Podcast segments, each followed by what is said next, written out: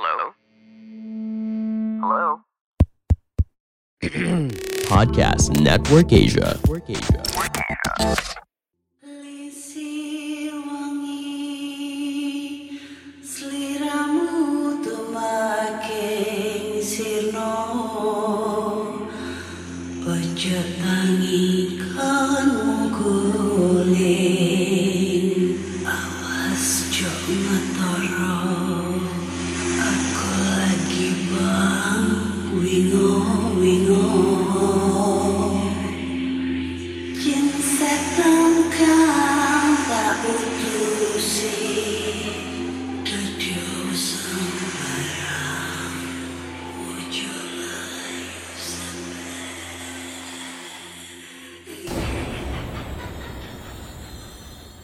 Hai Rek, yo apa kabar Ketemu lagi dengan aku si Ana di podcast kisah horor.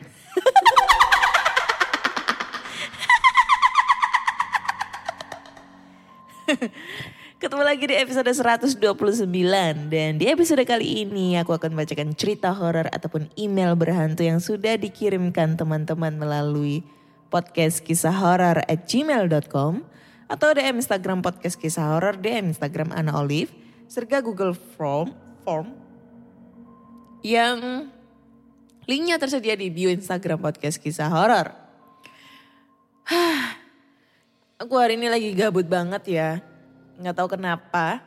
Kayaknya ini semuanya ya, semua teman-teman pasti ngalamin ya. Ini kan kebetulan hari Senin nih. Lagi enak-enaknya buka WhatsApp, lagi enak-enaknya buka IG, lagi enak-enaknya buka Facebook, tiba-tiba error dong, nggak bisa dibuka sama sekali. Apa ya, menghubungkan terus. Ini kayaknya memang WhatsAppnya ini ya yang error. Jadi nggak bisa ngebales chat dari gebetan-gebetan aku ini. Bikin bete ini ya WhatsApp ini ya. Duh sumpah ya, gabut banget sumpah kalau ada salah satu sosmed yang nggak bisa aku buka ini. Apalagi Instagram ya, hiburan aku cuma nonton reels yang lucu-lucu di Instagram anjir. Ah. Terus apa lagi ya? Mau cerita? bingung ini ya, opening yang sangat bingung kali ini karena bingung gue mau cerita tentang apa. Tapi ya by the way, sebentar lagi podcast kisah horor bakal masuk di episode 130. Dan nanti di setelah episode 130 bakal ada giveaway yang akan menanti kalian semua. Nah giveaway-nya itu apa? Kalian tunggu aja ya. Eh, kurang satu episode lagi nih, nanti bakal ada giveaway. Hadiahnya juga lumayan ya, ya ya lumayan lah pokoknya Eh, bakal ada 250 ribu dan satu kaos Erigo buat satu orang pemenang. Lalu untuk dua orang pemenang lainnya adalah satu buah kaos Erigo. Jadi ada tiga pemenang yang akan aku pilih. Pemenang pertama akan ada eh, dapat 250 ribu plus satu kaos Erigo. Untuk pemenang kedua dan ketiga bakal dapat kaos Erigo masing-masing satu. Nah untuk rulesnya gimana nih kak? Nah rulesnya gampang. Nantikan aja di episode 130 ke ya. Rulesnya apa? Ini gampang banget sih rulesnya. Gak yang muluk-muluk gitu. So pantengin aja. Oke, kemarin kalau kalian masih ingat eh, minggu kemarin di episode 128 gue ada sempat bahas tentang masalah dukun ya, dukun dukun santet yang terkenal di Banyuwangi yang dulu itu gak salah dibantai sama warga di sana pada tahun sekitar 98. Nah, itu juga sebelum episode-episode sebelumnya juga udah pernah aku bahas itu tentang masalah dukun. Ternyata dari pendengar podcast kisah horor itu ada yang ngejelasin cuy. Ada yang ngasih fun fact. Eh, bukan fun fact ya ini ya. Apa eh, le- eh, lebih kejelasnya info info tentang terjadinya eh, pembantaian dukun santet tersebut yang kebetulan kakaknya ini asli dari Banyuwangi. Nah, gue bacain ya karena ini kakaknya nggak mau disebutin namanya, so gue sensor aja namanya. Assalamualaikum, Deana. Ya, aku pendengar setia podcast kisah horor dari Banyuwangi. Yang kebetulan satu desa bahkan pernah satu kampung sama dukun santet perempuan itu. Banyak banget cerita tentang korban yang pernah kena santet dari dukun itu, termasuk keluargaku. Rumah dukun itu masih ada sampai sekarang. Cerita tentang setelah pembantaian itu lumayan serem, tentang hantunya yang masih berwujud manusia dan beraktivitas layaknya mereka masih hidup dulu. Juga tentang kejadian pembantaian. Aku, aku sangat tahu persis ceritanya dan Banyuwangi aman kok, tidak seluruh cerita-cerita yang beredar gitu. Terus gue bales, gue bales dan gue tuh sebenarnya baru tahu nih cuy kalau ternyata dukun santet tersebut yang pernah dibantai sama warganya itu seorang perempuan. Yang aku kira tuh sebenarnya laki-laki ternyata pelakunya adalah perempuan cuy. Gila. Dan gue tuh sebenarnya gue penasaran banget dengan sos, uh, lokasi rumah tersebut ya. Ya zamannya gue masih explore di YouTube itu sebenarnya gue pengen banget uh, apa namanya explore di rumah tersebut ya. Cuma dari cerita teman-teman explore nih yang udah pernah ke sana dan ternyata nggak jadi nih explore ke sana. Yang pertama itu rumah horor banget auranya juga nggak baik. Terus kayaknya tuh ada yang jaga gitu. Jadi kalau misalnya mau masuk di sana itu uh, agak susah karena katanya sih aura-aura jahatnya, aura hitamnya itu masih ada di sana. Takutnya nanti bakal kenapa-napa. Jadi uh, banyak warga di sana yang ngejaga rumah tersebut. Padahal rumah tersebut itu emang kondisinya udah kosong kayak gitu. Gue baru tahu anjir, sumpah. Terus kakaknya ini ngelanjutin cerita nih Uh, sebenarnya rombongan yang geban, ngebantai itu itu dukun adalah pemuda-pemuda dari kampungku. Juga kampung sebelah. Karena dukun itu cukup meresahkan. Jadi waktu beliau masih tinggal di kampung para warga eh jadi waktu beliau masih tinggal di kampung para warga meminta bapakku yang kebetulan kerawat atau pegawai desa untuk bikin petisi, istilah zaman sekarang, untuk mengusir Bu Khairiyah. Khairiyah, nama dukun itu, dari kampung kami. Akhirnya semua warga tanda tangan untuk mengusir dukun itu keluar dari kampung kami. Oh ya, sewaktu beliau masih tinggal di kampung, kami ada beberapa cerita yaitu teman sekolah SD ku sebut saja Nur dikasih beliau makan ikan wader sejenis ikan sungai yang udah digoreng. Setelah makan, si Nur tadi pulang dan nyampe rumah muntah-muntah yang keluar wader yang masih hidup. Terus aku sendiri sakit gak jelas selama satu tahun. Dan mengalami lumpuh karena sakitku itu adalah kiriman yang ditujukan kepada bapakku. Dan ibuku juga sama mengalami muntah darah. Cuma karena berpapasan aja sama dukun ini loh. Dan yang lebih epik adalah cerita dari temanku yang kebetulan pemimpin adalah pemimpin pengeksekusi pengeksekusi. Katanya pas mereka ngebacok badan ibu dukun ini, keluar percikan api. Seperti perang, eh seperti parang, dibacokin ke, bat, ke batu ataupun besi gitu. Karena bu dukun ini memiliki ilmu kebal, tapi sehebat-hebatnya ilmu pasti ada kelemahannya. Kelemahannya adalah pohon kelor yang dipukulkan ke badannya. Dan akhirnya pas dibacok perutnya, ususnya dan seluruh isi perutnya memburai keluar. Dan setelahnya banyak orang yang melihat hantu Budukun dan suaminya itu beraktivitas layaknya mereka masih hidup. Oh iya, awalnya suami Budukun itu gak bisa ilmu santet. Tapi akhirnya beliau belajar dari istrinya. Dan yang dimaksud beraktivitas itu adalah pagi-pagi pagi-pagi buta terlihat lagi nyapu pelataran rumahnya. Kalau malam terlihat nongkrong di depan rumah. Kadang siang hari pun terlihat beraktivitas di rumah. Otomatis warga sekitar yang melihat jadi ketakutan dong. Mereka pada gak berani lewat depan rumah Bu Dukun itu. Oh ya, pas kejadian itu aku berumur 18 tahun. Setiap dukun, ilmu hitam itu pasti memiliki buku rahasia dari daftar orang-orang yang akan ditumbalkan, juga calon tumbal. Karena setiap ilmu hitam yang mereka pelajari membutuhkan banyak tumbal. Dan dalam daftar calon tumbal itu, seluruh anggota keluargaku ada dalam catatan itu. Tolong jangan sebut namaku ya, Dek, demi privasi orang-orang yang terlibat pembantian itu. Maaf tulisannya belepotan dan belibet juga terlalu panjang.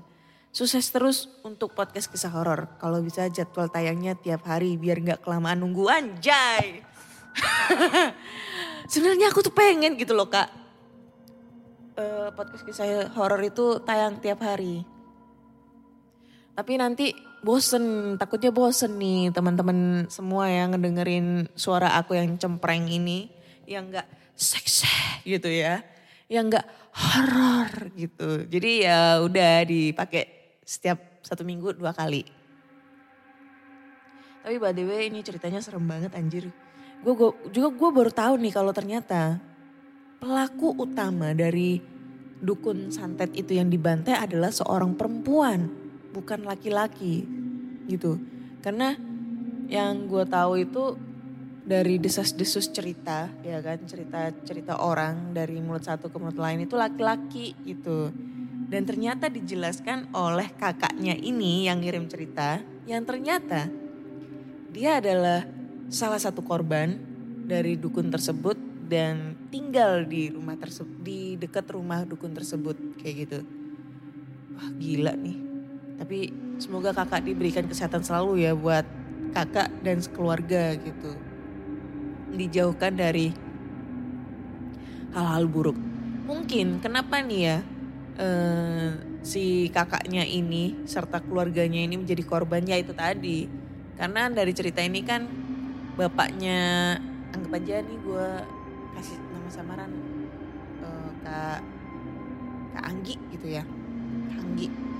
Karena bapaknya kak Anggi ini kan dari ceritanya itu kan beliau jadi kayak kepala desa ya kepala desa. Ya pastilah. Namanya juga kepala desa di zaman tahun segitu tuh banyak banget persaingan persaingan kepala desa satu sampai kepala desa lainnya yang menggunakan ilmu hitam ya untuk melengsarkan uh, si kepala desa tersebut sehingga pada saat kepala desa ini terlengsarkan yang apa nih?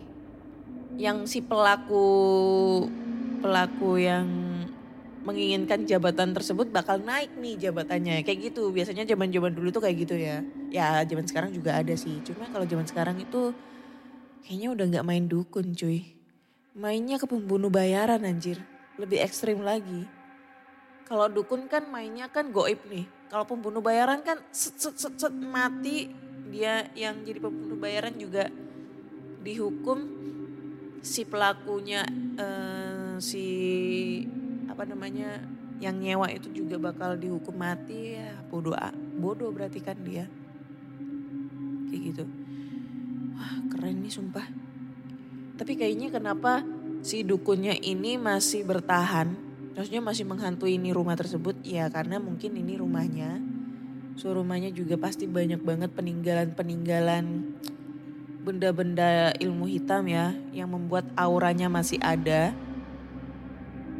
dan mungkin si arwahnya ini bukan arwah sih sebenarnya tapi mungkin jin jin yang mungkin dia pernah pelihara terus dia menyerupai kayak gitu. Lebih kayak pembalasan dendam gitu kan. Makanya dia menghantui warga sekitar dengan cara berdiam diri di rumahnya tersebut. Kayak gitu. Duh, keren sumpah.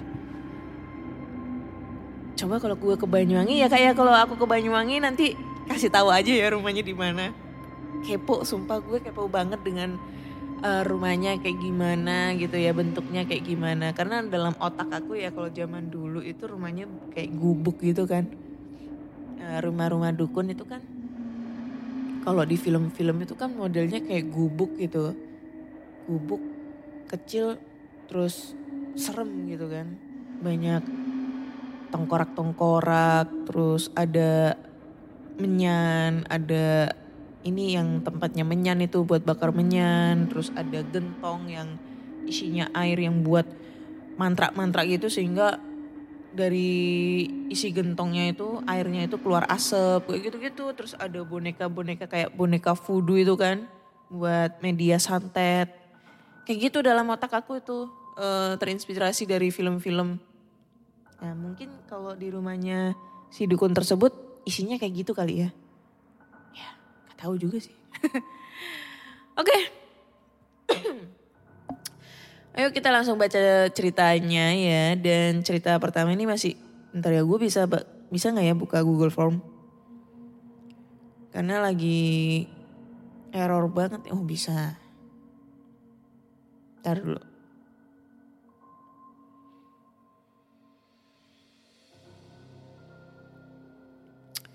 Dan cerita berikutnya ini. Karena tadi awal kan udah ceritanya Kak Anggi nih. Ini dari, ini mau disebutin namanya nggak ya? Oh ya. Dari Vindi. Yang judulnya adalah kejadian perkemahan. Assalamualaikum kak. Perkenalkan, nama saya Vindi dari Kabupaten Sidoarjo. Wow, tonggo dewe. Saya mau menceritakan kisah nyata saya sewaktu masih duduk di sekolah MTS. MTS. Perkemahan horor pertama kali yang pernah dialami. Oh ya kak, mohon maaf untuk kota dan nama saya tolong disamarkan saja. Karena sekolah dan bumi perkemahan masih aktif dan takut sensitif. Mohon maaf kak untuk tulisannya belum rapi. Karena cerita ini benar-benar nyata saya alami dan membuat saya guru pun kaget untuk pertama kalinya. Awal cerita saya mulai ya kak. Saya Vindi, anak kelas 7, duduk di salah satu sekolah Islam yang ada di Sidoarjo Taman. Saya mempunyai kelebihan dari kecil, tapi saya tidak bilang siapa-siapa, tetapi orang tua tahu. Di saat sekolah akhir semester mau kenaikan, sekolah saya selalu mengadakan kegiatan rutin perkemahan tiga hari dua malam di bumi perkemahan bla bla bla di kota. Di kota apa ya? Ya itulah. Kota ini selalu rutin disewa untuk semua sekolahan, termasuk sekolah saya. Semua murid dari kelas 7 sampai 9 dan semua guru-guru wajib mengikuti. Singkat cerita, saya dapat kelompok bersama teman saya yang juga bisa seperti saya, tetapi tidak sensitif seperti saya. Setiap kelompok terdiri dari 10 sampai 12 orang. Di saat pemberangkatan sampailah ke bumi perkemahan tersebut. Biasalah, seperti kemah pada umumnya. Kita upacara, terus dibagi spot tempat kita dirikan tenda masing-masing. Setelah jadi semua kita, eh setelah jadi semua kita masak-masak lalu makan. Mandi dan sholat untuk menunggu kegiatan selanjutnya. Oh iya, saya jelaskan tempatnya dulu. Tempatnya itu benar di perdesaan atas banget. Tempatnya terbilang horor ya horor. Tetapi kalau dibilang nggak nggak serem, tapi serem. Tempat kita dikelilingi pohon dan di bawah ada du, ada tempat yang sudah semen seperti teras itu ada pohon dua beringin yang lebat banget. Di bawahnya ada empat kamar mandi. Oh maksudnya eh, tempatnya itu tempat bumi perkemahan itu dikelilingi pohon, pohon beringin ya. Terus ada semacam kayak uh, plesteran semen gitu, teras yang terbuat dari semen. Terus di situ ada dua pohon beringin yang lebat. Terus di bawahnya pohon beringin itu ada empat kamar mandi. Ini gue jelasin ya. Di sisi kanan bawah itu jurang. Di atas bumi perkemahan sisi kiri depan itu ada satu villa atau hotel. Entah itu kosong atau tidak. Tetapi serem, sunyi banget seperti tidak ada kegiatan orang di situ. Singkat cerita, perkemahan tidak terjadi apa-apa. Keesokan harinya, malam sebelum api unggun dimulai, saya bersama Nanda, tiba-tiba si Nanda uh, menyenter yang dia pegang mengarahkan ke bawah tanah pondasi villa yang saya sebut tadi. Kukira dia nunjukin apa. Tetapi Ternyata dia nunjukin sosok merangkak tanpa kepala. Kepalanya ada berjarak 10 meter dari tubuhnya yang merangkak. Kita hanya iseng-iseng nunjukin terus pakai senter dia ke mana ini sosok. Oke itu kejadian pertama dan perkemahan selesai. Singkat cerita saya naik kelas, kelas 9 Pertengahan semester 1 barulah diadakan lagi perkemahan lagi di tempat yang sama. Kegiatan sama seperti tahun-tahun sebelumnya. Singkat cerita, kita sampai di bumi perkemahan tersebut. Kejadian ini terjadi paling epik dan serem banget. Oke, saya, Bu Elsa, adik kelas Rati, dan kita bertiga sama-sama haid Awal sampai Bu Elsa tiba-tiba sudah diikuti sosok ganteng banget yang ada di kamar mandi depan depan dekat warung warga. Karena Bu Elsa kaget di tempat seperti itu yang dingin dan dikelilingi sosok-sosok seperti itu yang dalam keadaan haid dan pikiran kosong. Gimana sih? Oke, Pak Am dan Bu Puput terus menyadarkan Bu Elsa Singkat cerita malamnya kita kehujanan dan tenda-tenda roboh. Tempat banjir dan tenda tidak bisa dipakai semua. Oh, singkat cerita malamnya kita kehujanan, tenda-tenda pada roboh dan tempatnya ini banjir. Serta tendanya ini nggak bisa dipakai semuanya. Kita para siswi dan guru wanita pindah ke, tem ke tempat balai RW untuk tidur. Dan para siswa laki-laki tidur di masjid. Baru masuk balai RW kita gelar tikar dan nata untuk tidur. Di dalam situ ada ruangan yang dikunci. Tetapi pintunya ada kaca bening. Jadi kita bisa lihat dari ruang yang kita untuk tidur. Saya penasaran untuk melihat ada apa sih di dalam ruangan itu. Dan saya lihat ke kaca ada alat musik Jawa seperti gamelan gong dan lainnya. Saya kaget ada sosok wanita duduk di atas gamelan. Terus saya dikagetkan teman saya yang juga ingin melihat. Puput manggil saya dan mengatakan, Vindi jangan jahil lo ya. Apa yang kamu lihat jangan kasih tahu siapa pun. Saya menjawab, oke bu siap. Tetapi saya masih penasaran. Saya lihat lagi, tiba-tiba sosok wanita muncul mukanya ada di depan muka saya tepat pintu itu. Astagfirullah ini sosok iseng juga ya. Oke sabar. Sabar, sabar, sabar. Dan akhirnya saya tidur. Di tengah malam entah jam berapa tiba-tiba saya dibangunkan Pak Gali yang panik. Ternyata saya disuruh melihat sosok yang masuk ke Bu Elsa. Tetapi dari teras balai RW, Bu Elsa dan warga setempat pemilik rumah yang di depan balai RW tersebut. Ah gimana sih? apa sih gimana ya ini ternyata saya disuruh melihat sosok yang masuk ke Bu Elsa dari teras balai RW. Bu Elsa dan warga setempat pemilik rumah yang di depan balai RW tersebut.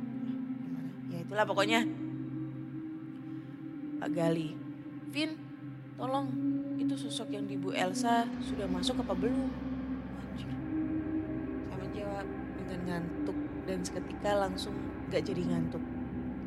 Saya langsung melek dan menjawab, antri pak, ada dua sosok, satu udah masuk. Oke Vin, terima kasih, kamu tidur lagi. Wah anjir. Vin dia cuma dipakai gitu doang, suruh ngeliat-ngeliat doang anjir. Astagfirullah, sudah melek, suruh tidur lagi. Keesokan pagi menjelang siang jam 9-an lah. Setelah game, agenda kita mau lanjut naik ke air terjun. Ini si Rati, adik kelas saya, banyak ngomongnya dan sompral. Saya sudah mengingatkan, sebelum berangkat kita jangan ngomong sompral. Dijaga omongannya dan jangan cabut tumbuhan apa pun itu, termasuk daun atau apa pun itu jangan dicabut. Karena itu bukan milik kita. Saya sudah diingatkan juga sama guru-guru jangan melamun. Singkat cerita perjalanan naik nih. Tiba-tiba si Rati katanya kesurupan. Oke lah, sudah diingatkan semuanya juga masih sama. Langsung dibawa ke tenda. Tiba-tiba saya tuh semangat banget naik nih. Dan sampai langsung duduk di bawah pohon, ada tempat duduk seperti amben atau ranjang yang buat duduk. Kok sesek banget ya ini dada dan batuk-batuk. Bener-bener sakit. Ada kayak pemuda pendaki dan pihak penjaga pintu masuk air terjun, dibuatkan teh panas dan dimasukkan dan dibaringkan kayak pos yang belum jadi. Tiba-tiba lemes dan gak sadar aku, tapi berusaha untuk sadar. Saya dengan dibacakan doa dan dipanggil oleh oleh guru-guru saya. Sampai akhirnya saya berasa mau diangkut untuk dibawa turun tetapi saya berasa nempel di keramik lantai. Saya masih dengar guru-guru bilang, ayo angkat, berat pak, ini berat banget, bantuin sadar, ayo angkat. Dan benar-benar saya nempel gak bisa diangkat. Menyerahlah guru-guru yang dibantu oleh pihak penjaga. Dalam versi saya, saya tuh kayak mimpi duduk di atas batu sungai sumber yang saya lewati di bawah itu seperti diajak bertapa. Dan laki-laki itu ganteng banget, bersih banget wajahnya seperti putra dari kerajaan. Saya cuma disuruh duduk, bertapa di sini. Dan akhirnya entah apa, saya setengah sadar, tapi masih terikat bersemedi di sungai. saya dibawa turun pakai motor trail dan turunlah saya. Ternyata Bu Elsa itu masih kerasukan. Tetapi saya lihat dia cantik banget. Saya ingin turun dan ingin mengejarnya. Dan akhirnya bapak bawa cepet turun saya dan dipisahkan. Dan saya ada di tenda para guru dengan tidak sadarkan diri lagi. Versi Bu Puput saya ditanya, Kenapa kamu kok pengen kejar Bu Elsa? Dia dia itu cantik banget dan dia adalah calon kekasih saya. Itu kekasihmu? Terus kenapa kalian tidak bersama? Di mana tempat tinggalmu? Oh ini versi Bu Puput nanyain si Vindi lagi kesurupan ya. Pihak kerajaan tidak menyetujui saya bersamanya. Dia cantik dan baik tetapi dia warga penduduk saya. Saya ada kerajaan atas sana. Eh, saya ada di kerajaan di atas sana. Sudah ya, kasihan. Anak ini capek, biarkan istirahat dulu. Beberapa menit, Bu Puput ketiduran. Saya keluar tenda ketemu Rati. Dan Rati masih keadaan kerasukan. Si Rati marah-marah seperti melihat musuh. Saya hanya melotot dan seperti membaca apa gitu. Ini Pak Am melihat dan mengatakan seperti itu dan langsung dipisahkan saya dengan Rati. Saya dirukia oleh Pak Am. Saya setengah sadar. Benar berasa sakit semua badan ini dan panas. Dan akhirnya saya sadar. Saya lihat ibu jari dan kelingking tangan dan kaki bengkak semua dipitesi atau dipencet ya. Terus malamnya mau api unggun katanya saya kerasukan lagi. Kata guru-guru kalau emang gak bisa diatasi lagi panggilkan kunci yang ada di sini. Juru kunci maksudnya ya. Alhamdulillahnya besok paginya saya sadar. Tapi belum sepenuhnya. Saya balik ke tenda saya. Saya ingat. Saya punya kelompok meskipun saya bukan ketua. Tapi tanggung jawab buat kelompok saya.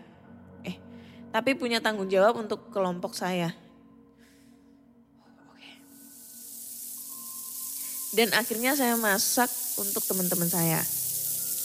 Singkat cerita saya mulai tak sadar tetapi saya berusaha untuk tetap sadar.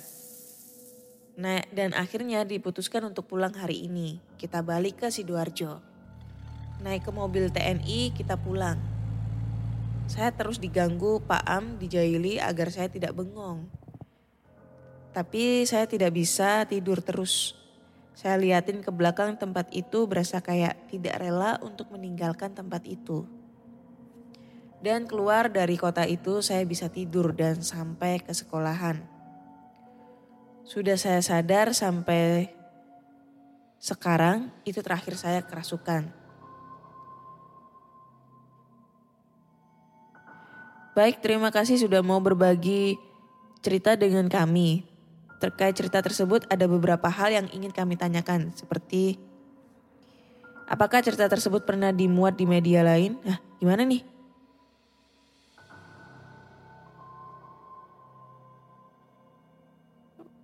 Oh dia bikin pertanyaan ya. Anjir gue bingung. Apakah cerita tersebut pernah dimuat di media lain? Pada tahun berapakah kejadian pada cerita tersebut? Jadi tempat perkemahan yang diadakan oleh sekolah kakak selalu berbeda-beda.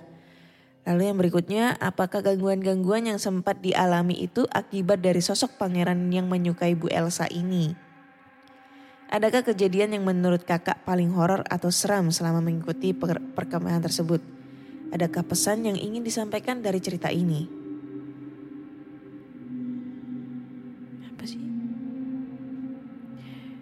Baik kak, saya jawab satu-satu ya kak. Yang pertama, baru pertama kali ini mau bagi cerita ke media kak. Hanya di RJL 5 saja. Barangkali bisa jadi pelajaran juga. Yang kedua, kejadian tersebut terjadi pada sekitar tahun 2013. Perkemahan kedua tahun 2015. Yang ketiga, perkemahan yang diadakan selalu sama tempatnya dan sering dipakai juga sama sekolah lain. Yang keempat, kemungkinan suka. Tetapi faktor lainnya juga karena kita juga haid kotor dan saya juga peka. Yang kelima, ada kak, waktu perkemahan pertama tahun 2013, sosok yang merayat tanpa kepala. Dan pertama kalinya saya kesurupan dalam waktu yang lama juga saat perkemahan. Yang keenam, pesan yang dapat disampaikan dari kejadian saya, kita harus dalam berpikiran positif dan tidak kosong. Tidak sompral juga di tempat orang tidak mencabut apa pun itu meskipun sekecil rumput. Karena sekali lagi kita hanyalah tamu. Karena itulah pentingnya arti menjaga sikap sopan dan santun. Terima kasih banyak kak, semoga keangkat cerita saya menjadikan kita pelajaran untuk semuanya. Wah panjang ya ceritanya. Thank you, thank you, thank you buat Vindi ceritanya. By the way ini sebenarnya kalau gue pahami ini cerita ya. Tapi mohon maaf banget nih kalau misalnya di ceritanya si Vindi ini agak belibet ya. Karena jujur tanda bacanya ya kurang. Tapi overall dari kejadian ini kalau gue telah ini sebenarnya bagus banget nih cerita ya. Ceritanya tuh bagus banget sumpah, bagus banget cuma karena eh peletakan tanda baca yang tidak tepat sehingga agak belibet ngebacainya. Karena gue udah sering ngomong ke kalian semua kalau gue kalau misalnya dapat cerita nih ya, dapat cerita dari pendengar, tidak pernah mereview terlebih dahulu ceritanya atau memperbaiki ceritanya. Mungkin maksudnya memperbaiki dalam hal uh, mungkin ada kata-katanya yang kurang pas, terus tan peletakan tanda baca yang tidak pas. Nah itu gue perbaiki dulu. Sebenarnya enggak. Karena prinsip aku adalah ini, gue ngomong aku, gue anjir lah, bingung. Karena prinsip aku adalah setiap gila eh setiap gila setiap kita membacakan cerita horor usahakan itu ceritanya real dari uh, pengirim. Jadi kalau misalnya aku bacain lagi aku udah baca nih terus aku perbaiki terus aku baca lagi horornya tuh kurang dapet ya kan? Horor pertama horornya kurang dapet feelnya kurang dapet kayak ya nggak bisa gitu nggak nggak bisa ada apa ya uh, sisi serem atau horor yang sangat mengejutkan buat aku gitu. Jadi setiap ada pemba ada pem pengirim cerita yang mengirimkan ceritanya ke podcast kisah horor, pada saat rekaman di hari itu juga aku bacain cuy. Jadi nggak aku review lagi, nggak aku perbaiki gitu. Jadi apa adanya. Next kita lanjut ke cerita berikutnya ya, cerita terakhir ini datang dari email aja ya kita baca di email. Ntar dulu gue buka. Nah. Kali ini email datangnya dari dari siapa ya yang gue baca? Dari ini aja. San ini mau dibaca Bentar dulu. Oh ya, dari Santika Hana. Ya. Assalamualaikum warahmatullahi wabarakatuh. Waalaikumsalam. Selamat malam Kak Ana. Namaku Tika. Motor lewat.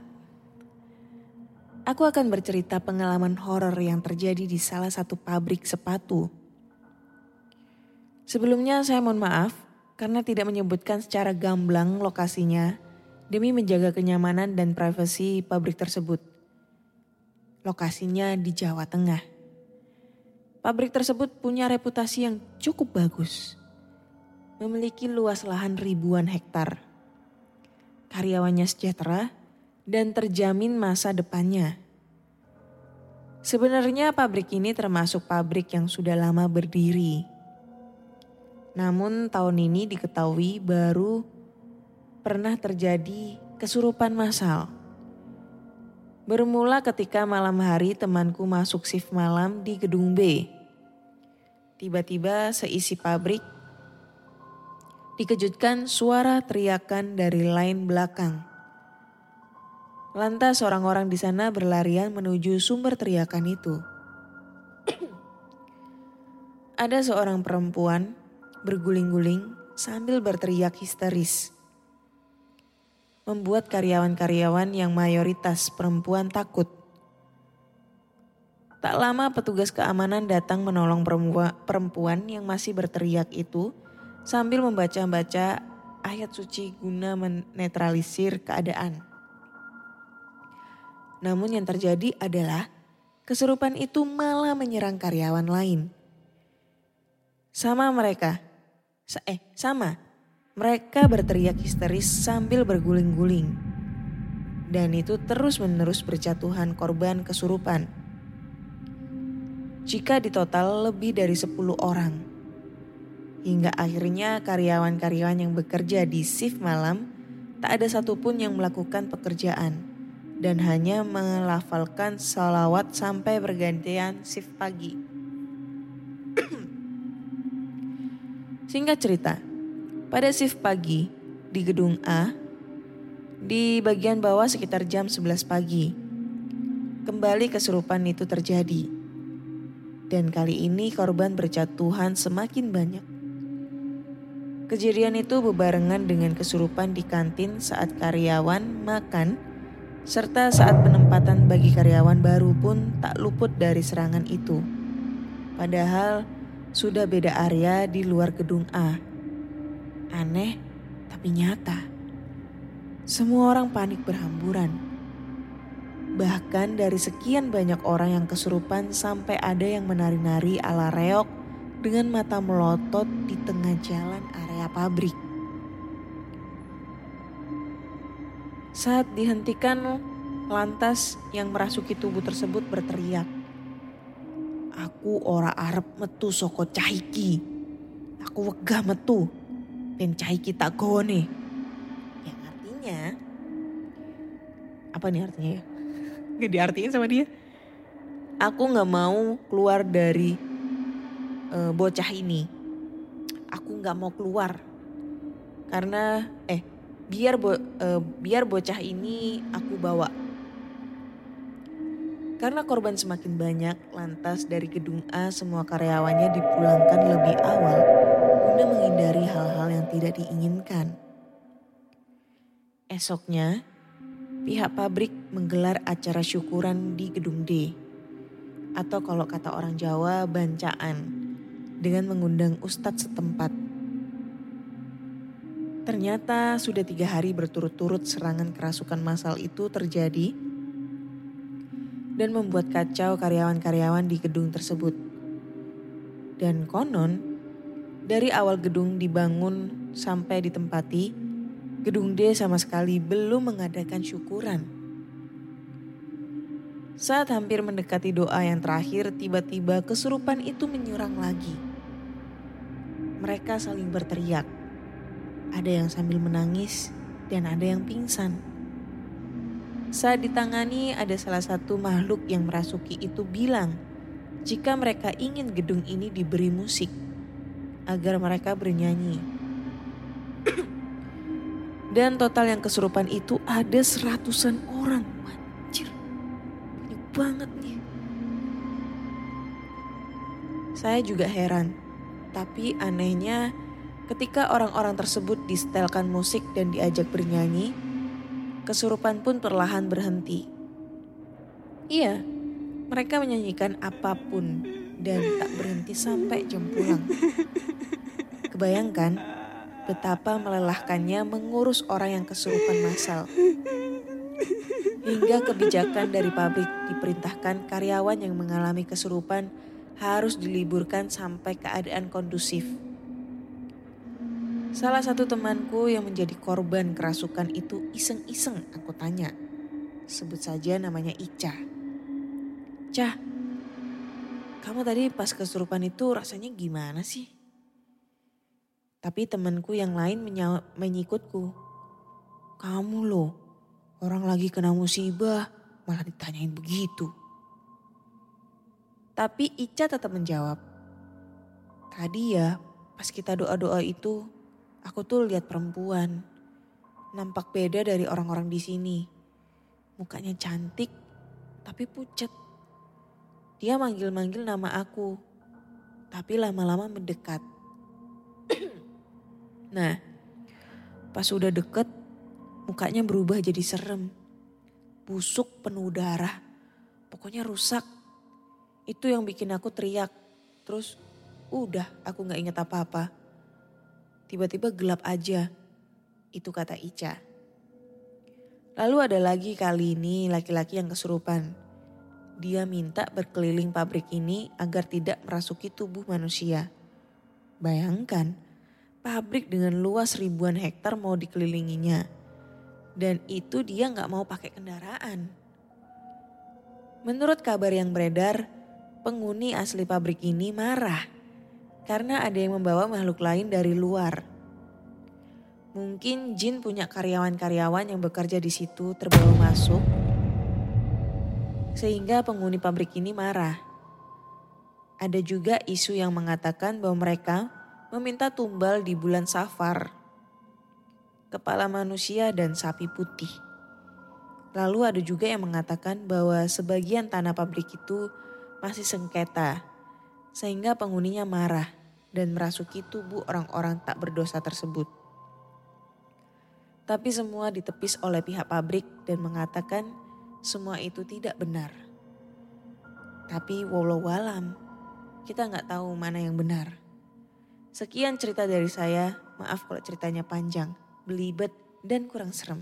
Suka selalu, eh suka selalu, Sukses selalu buat Mbak Ana. Wassalamualaikum warahmatullahi wabarakatuh. Waalaikumsalam warahmatullahi wabarakatuh. Thank you ya buat siapa tadi? Mbak Tika. Penutup cerita yang sangat epic banget, sangat serem banget dan bagus banget. Menurutku ini gak belibet ya mbak ya. Ini kenapa ya? Orang-orang sekarang itu kalau mau kirim cerita selalu ada embel-embel belibet. Anjir. Kira mungkin sering ya kalau aku bacain cerita dari orang-orang itu bilangnya ceritanya belibet bertele-tele belibet gitu. Akhirnya mereka kan kalau kirim cerita lagi semoga tidak berlibet. Eh mohon maaf kalau belibet ceritanya padahal enggak ini cuy. Ini wah ending cerita yang sangat serem banget kalau gue bayangin ini ya. Kalau gue nggak bisa ngebayangin kalau ini kalau itu terjadi di aku pada saat aku kerja di di sebuah pabrik. Karena aku juga pernah mengalami seperti ini. Maksudnya bukan aku ya uh, lebih tepatnya itu karyawan pub, karyawan pabrik dulu. Karena dulu kayaknya aku dulu dulu itu sudah sering cerita deh tentang pengalaman aku kerja di tempat kerja aku yang lama ya. Kebetulan kerja aku lama itu di sebuah karoseri gitu ya. Enam tahun gue kerja di karoseri satu ke karoseri lain. Dan setiap biasanya tuh kalau kita ada deadline untuk pembuatan body body bis atau apa pun itulah. Itu selalu lembur sampai tengah malam dan kebetulan gue itu selalu disuruh untuk ngawasin mereka gitu kan. Kebayang dong cewek sendiri ngawasin tukang-tukang yang lagi ngelas ngecat terus lagi ngapain kayak gitu kan. Nah itu sampai tengah malam. Tapi semua pokoknya dari dua perusahaan yang pernah aku kerja nih ya di lokasi tersebut setiap hari Kamis mereka itu tidak pernah melakukan lembur gitu loh. Maksudnya nggak mau nggak mau melakukan lembur walaupun dipaksa walaupun dikasih uang lembur sebanyak apa pun di mereka itu nggak mau. Karena ya itu malam Jumat takut terjadi sesuatu hal yang tidak diinginkan. Karena ya itu tadi seperti cerita aku yang dulu ya di uh, pabrik aku yang terakhir tempat kerja aku yang terakhir. Yang ah, maksudnya tempat kerja karoseri yang terakhir ya bukan yang sekarang. Itu pernah terjadi eh, apa namanya karyawan yang meninggal di sana pada saat kerja ya kecelakaan kerja tapi eh, kejadiannya itu sangat tragis banget gitu. Sehingga banyak banget eh, karyawan-karyawan lain di sana itu setiap lembur itu selalu dihantuin gitu loh selalu di selalu ya selalu di godain gitu kan sama sosok tersebut. Nah sosok itu menyerupai salah satu karyawan yang kebetulan meninggal di area tersebut gitu. Ya kalau bisa sih mungkin ini mungkin jin ya, jin yang menyerupai gitu. Sehingga mereka itu kalau misalnya mau lembur, lembur tuh paling malam itu paling jam 8 ya. Tapi kalau misalnya terpaksa itu paling malam tuh jam 11 jam 12 malam. Nah itu yang paling terpaksa itu karena misalnya kalau kita ngerjain deadline. Nah itu kebanyakan itu emang kalau kita e, pengalaman horor itu paling serem itu di area pabrik. Pabrik, pabrik dan pabrik itu emang serem banget, horor banget dibandingkan cerita horor di sekolah. Gue ngakuin kalau dibilang horor banget itu paling serem itu di pabrik banyak banget nih cerita kejadian mistis itu di pabrik yang gak ada habis-habisnya. Pabrik atau tempat kerja lainnya atau perkantoran dan lain-lain lah. Kayak gitu. Oke, kayaknya cukup sekian dulu ya uh, untuk episode 129 ini karena udah 48 detik aku menemani kalian semua.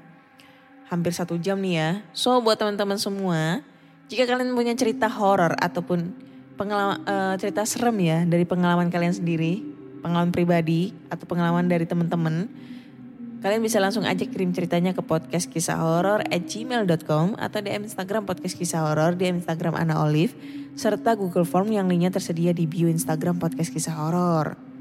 Terus jangan lupa follow Instagramnya podcast kisah horor biar bisa swipe up gitu ya. Sama jangan lupa follow podcast kisah horor di Spotify. Karena podcast kisah horor sekarang sudah tersedia di Spotify, Google Podcast, Apple Podcast, Anchor, dan Noise ya. Jadi podcast kisah horor sekarang udah hadir di hadir di Noise. Jadi buat kalian nih kalau pengen komentar atau mungkin komen ya di setiap episode daripada kalian nge-DM DM aku. Kalian tinggal masuk aja di Noise, terus follow podcast kisah horor di Noise dan kalian bisa langsung ki komentar di kolom komentar di setiap episodenya biar aku bisa ngecek nih apa nih ya yang kalian komentarin, kalian protesin dari cerita aku yang aku bawain gitu. Jangan lupa di follow ya. Thank you semua udah ngedengerin podcast kisah horor sampai sekarang. Nantikan podcast kisah horor di episode berikutnya dan saya Ana undur diri. Bye bye. Pandangan dan opini yang disampaikan oleh kreator podcast, host, dan tamu tidak mencerminkan kebijakan resmi dan bagian dari podcast Network Asia. Setiap konten yang disampaikan mereka di dalam podcast adalah opini mereka sendiri dan tidak bermaksud untuk merugikan agama, grup etnik, perkumpulan, organisasi, perusahaan, perorangan, atau siapa pun dan apa pun.